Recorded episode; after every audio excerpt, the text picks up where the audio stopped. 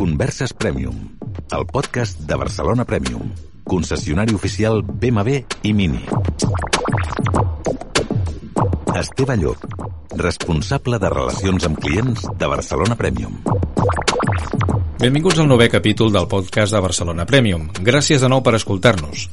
Per cert, si tens interès que parlem d'algun tema en concret amb algun dels nostres especialistes, envia'ns un correu electrònic a marketing arroba barcelonapremium.net.bmb.es Repeteixo, marketing arroba barcelonapremium.net.bmb.es I amb molt de gust atendrem la teva petició. En l'anterior capítol vam visitar el departament de motos des de l'òptica del taller. Ara anem al departament de vendes de Motorrat i en concret continuem en el nostre centre de Gran Via Hospitalet, situat a prop de Fira 2. Pugem les escales a la primera planta i allà ens trobem, al fons, amb l'assessor comercial Josep Guilera. Aquí tenim el plaer de saludar. Què tal, Josep? Com estàs? Hola, què tal, Esteve? Com esteu? Bon dia. Doncs molt bé, bon dia. Encantat de tenir-te aquí en aquest espai del podcast de Barcelona Premium.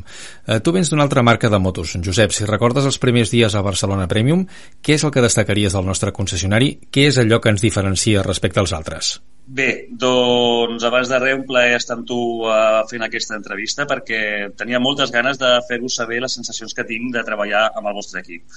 Bé, la primera sensació que vaig tindre quan vaig entrar a Barcelona Premium és de que es tractava d'un gran equip. Un equip molt cohesionat, un equip molt unit, un equip amb el qual eh, podíem barrejar l'experiència i la forma de treballar per tindre els millors resultats. Eh, com bé deies, he treballat al llarg de tota la vida amb diferents marques. Eh, vaig estar 13 anys a Yamaha, un parell d'anys a KTM, un any a Honda, i evidentment cada marca té la seva forma de treballar i realment eh, anar per a treballar amb vosaltres i considerar-me part d'aquesta família ha estat un encert absolut, donat que tant la forma de treballar com la forma en què s'enfoca el negoci em sembla un 10. Jo sempre dic que el client de motos és molt inquiet. Des del moment que demana informació fins que compra, no passa gaire temps i, a més a més, és dels pocs clients que tu li dius escolta, m'estic a Hospitalet i ve cap allà. Estic a Sant Boi i se'n va cap a Sant Boi. És a dir, que no, no li costa res agafar la seva moto i moure's. Estàs d'acord amb mi? És un client, diguem, molt inquiet i que va molt ràpid en el seu procés de compra? És correcte. Uh, realment cal diferenciar el que seria un client, per exemple, cotxe d'un client moto un client moto és un client més directe, més passional, eh, més intuïtiu, que gaudeix més la compra, l'experiència de compra i que realment els passos en què decideix agafar o no agafar la moto són molt més curts i més breus que no pas un de vehicle de, de, moto, de cotxe, precisament per això, perquè estem parlant de que la forma de gaudir la conducció, disfrutar el vehicle, és una sensació que la vol que sigui immediata, no? És completament real, és així.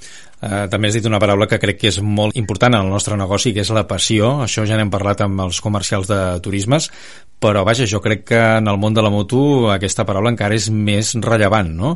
Eh, és a dir, no solament estàs comprant un article que et serveix, evidentment, per moure't, sinó que mm, et serveix per fer una conducció esportiva, per anar a fer una excursió amb els col·legues, anar a fer unes curves, allò que es diu anar a fer unes curves, no? Això amb un cotxe mm, és, és una altra història, no? Què destacaries tu dels clients de motos envers aquesta història? És a dir, mm, és una cosa molt, molt passional, una història molt de nòvia, no? Pràcticament podríem anomenar també a, a la moto. És, és tal qual així, és tal qual així. O sigui, aquí cal diferenciar el que, un, el que busca un client de cotxe del que busca un client de moto. De fet, de client de motos hi ha dos clients. Hi ha el client que és el motorista obligat, entre cometes, que és aquell que no té més remei que adquirir una moto perquè per anar a la feina, ja bé sigui perquè treballa un polígon o per horaris o per la, la quantitat de tràfic que troba, busca la practicitat independentment que li agradi o no la moto. Per això diguem-ne que seria un 15 o un 20%. Entre un 75, un 85, un 90% és de gent que gaudeix el projecte, que gaudeix el fet de buscar la moto i sobretot que busca disfrutar amb ella. De fet, hi ha moltes vegades que hi ha clients que acaben comprar una moto que no és realment la que necessitarien, no? perquè físicament mm, eh, diguem-ne que lògicament haurien d'agafar una moto però passionalment la il·lusió, eh, les sensacions que li dona aquella moto són molt més fortes que no per que necessiten. Perquè m'entenguis, hi ha un client que amb una scooter 400 tindria prou per anar a la feina a casa, però no, no, aquest client vol una 850 o una 1000 perquè vol gaudir el trajecte. I això amb un cotxe és molt més difícil que passi realment. Les motos BMW tenen una història molt llarga al darrere. Són motos molt robustes, fiables i nobles. En la línia del que et preguntava abans, què destacaries de les nostres motos respecte a la resta de motos? En general, eh, grosso modo, diguem-ne que el primer adjectiu que caldria aplicar és qualitat. sobretot qualitat. Qualitat, eh, renom de marca, qualitat de components, eh, muntatge, garanties... És una moto que es destaca de qualsevol altra marca a nivell mundial eh, amb, el que, amb el pas dels anys tens com a producte, perquè el que fas és una inversió més que una compra, no? I això es troba el client quan vol fer el canvi de vehicle al cap dels anys i demostra que pot treure força més que el que podria treure si hagués comprat una altra marca. O sigui, el postvenda, perquè ens entenguem, de BMW és inigualable. La qualitat és top. Jo recordo una vegada que vaig estar en un taller multimarca que portava una moto d'una altra marca, en aquest cas jo no tenia encara en aquells moments una BMW, i recordo que vaig veure, crec que era una K, eh, de l'any 80 i pico, que la tenien allà per, per revisar, hi havia un client que se l'havia tret de sobre, i em va dir el propietari de, del taller que aquella moto tenia 35.000 quilòmetres des de l'anterior revisió i estava funcionant. És a dir, crec que hi ha poques eh, marques en el mercat que, que tinguin una moto tan robusta, tu imagina't, 35.000 quilòmetres sense canviar-li l'oli amb una moto històrica i seguia funcionant. De més, això, o sigui, això és el que parla de que, tot i que BMW et diu que has de fer un manteniment mínim de revisió anual o cada 10.000 quilòmetres, hi ha molta gent que, bé sigui per despiste o el que sigui, allarga revisions i afortunadament la robustesa mecànica que hi ha darrere et dona aquesta tranquil·litat. No? Això és un gran què respecte a vendre aquest producte. Els clients que venen a visitar-nos al concessionari i que ja són clients de la casa, que no venen a comprar, senzillament ens venen a visitar, és una cosa que mai m'havia trobat amb altres marques. I és de gent senzillament que ve doncs, perquè passa doncs, per departir una estona parlant amb tu i d'estar el content que està per la moto i dir, bueno, estic molt content amb la moto, a veure què més tens, no? O sigui, gent que un cop la gent trepitja BMW i adquireix una BMW, el eh, habitual és que continuï la marca i moltes vegades inclús amb el model. Això la, la prova ho tens, per exemple, amb la GS, la famosa 1200 o 1250. La gent amb aquestes financiacions Select que al cap de 3 o 4 anys eh, tenen l'opció de fer la renovació de la moto, 99% de la gent repeteix marca i model. I això crec que són els millors ambaixadors que tenim de la marca, els propis proletaris que, que tenen la moto i que repeteixen i repeteixen. No? Però contents que està. Ara vaig a fer una mica de poli dolent, d'acord? Eh, jo, històricament, he portat sempre motos japoneses de mitjana cilindrada. Aleshores, el motor Boxer sempre l'he vist com una cosa molt estranya i en canvi jo tinc amics que tenen eh, motos eh, BMW ja fa temps, una R1200 Adventure per exemple, eh, que van amb aquest tipus de motor. Llavors, jo ho veig com una cosa com molt antiquada, com molt aparatosa, com molt sorollosa, eh, no ho sé, em sembla una mica estrany. Com em convenceries de que realment un Boxer és un bon motor? Bé, la prova precisament que és un bon motor és que molt recentment, fa 40 anys, que va fer-se que va fer-se la primera GS a nivell mundial, s'està celebrant el 40 aniversari amb una edició especial que han fet de tota la gamma de GS amb el color el mateix color que va sortir aquesta unitat, que era negre i groc, realment la millor prova de que un motor va bé és que fa 40 anys que es fa. Això no vol dir que sigui una tecnologia antiquada ni molt menys, perquè evidentment s'ha anat habituant a normatives Euro 3, Euro 4, actualment Euro 5, a la qual ha anat canviant la cilindrada, la potència, la finura, però quan una fórmula funciona tan bé i la gent repeteix tantíssim, realment la pregunta és per què variar-ho, no? La prova ho tens en què fa uns mesos, un any aproximadament, s'ha presentat el box set més gran de la història, amb la R18, que és un 1.800 centímetres cúbics i que és una, una mena de demostració per part de BMW de fins a quin punt es pot a arribar a desenvolupar aquesta tecnologia que realment no cal canviar, en tot cas, evolucionar-la de lo bé que va. No? Converses Premium el podcast de Barcelona Premium. I bé, ja que parlem de motors, ara anem a canviar d'història, estem en un moment de canvi pel que fa a la, als motors de propulsió, tant a nivell de costums com d'infraestructures com de prestacions. Què en penses de les motos elèctriques? Com anirà això en el futur? Aquesta pregunta és una mica pregunta trampa, eh? però bueno, ja et comento. Realment, el tema elèctric és una cosa que a les motos eh, encara està molt per evolucionar.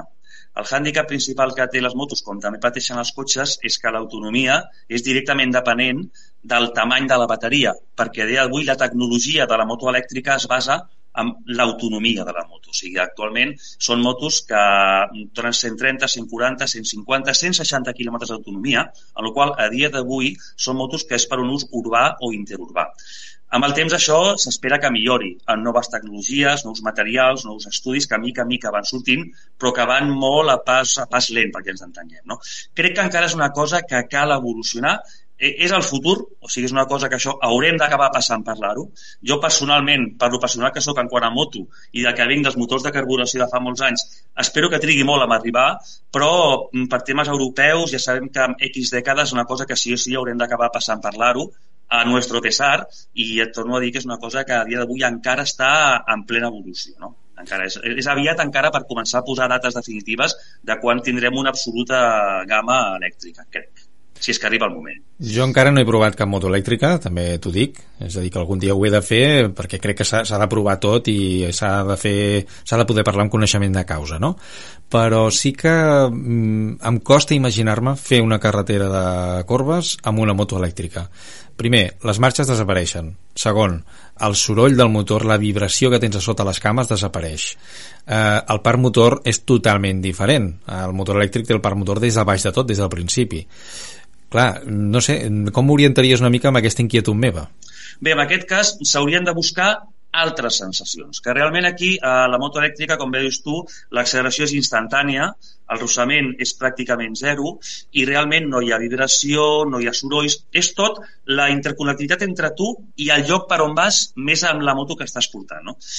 S'hauran de buscar altres avantatges de portar la moto elèctrica. Hauran de, en quant a manteniments, en quant a consums, etc. però en quant a sensacions de moto, està clar, penso exactament igual que tu, que desapareixeran en gran mesura eh, el que sents, el transmetre el que la moto t'està dient, perquè és que pràcticament no et dirà res. No? Ojo, ja hi ha marques que estan fent moto-moto. BMW de moment el que està fent són scooters i amb el temps se suposa que també iran fent motos. És una cosa... M'estic aventurant a dir coses que encara no estan confirmades per cap, per cap punt. No? Uh mhm. -huh. Però és el que dius tu, no hi ha unes sensacions que, que puguem tindre com a dia d'avui tenim amb les motos. Jo he portat moto elèctrica moltes vegades. Fa pocs dies s'ha presentat la nova elèctrica BMW, la F04, una elèctrica espectacular, amb la pantalla més gran del mercat en quant a informació, en quant a interconnectivitat mòbil-moto brutal, amb capacitat sota el casc, eh, seguint per botar el casco, però mm, penso com tu, el tema sensacions és una cosa que desapareix a canvi d'altre tipus d'avantatges que les normatives europees ens estan obligant a complir. No?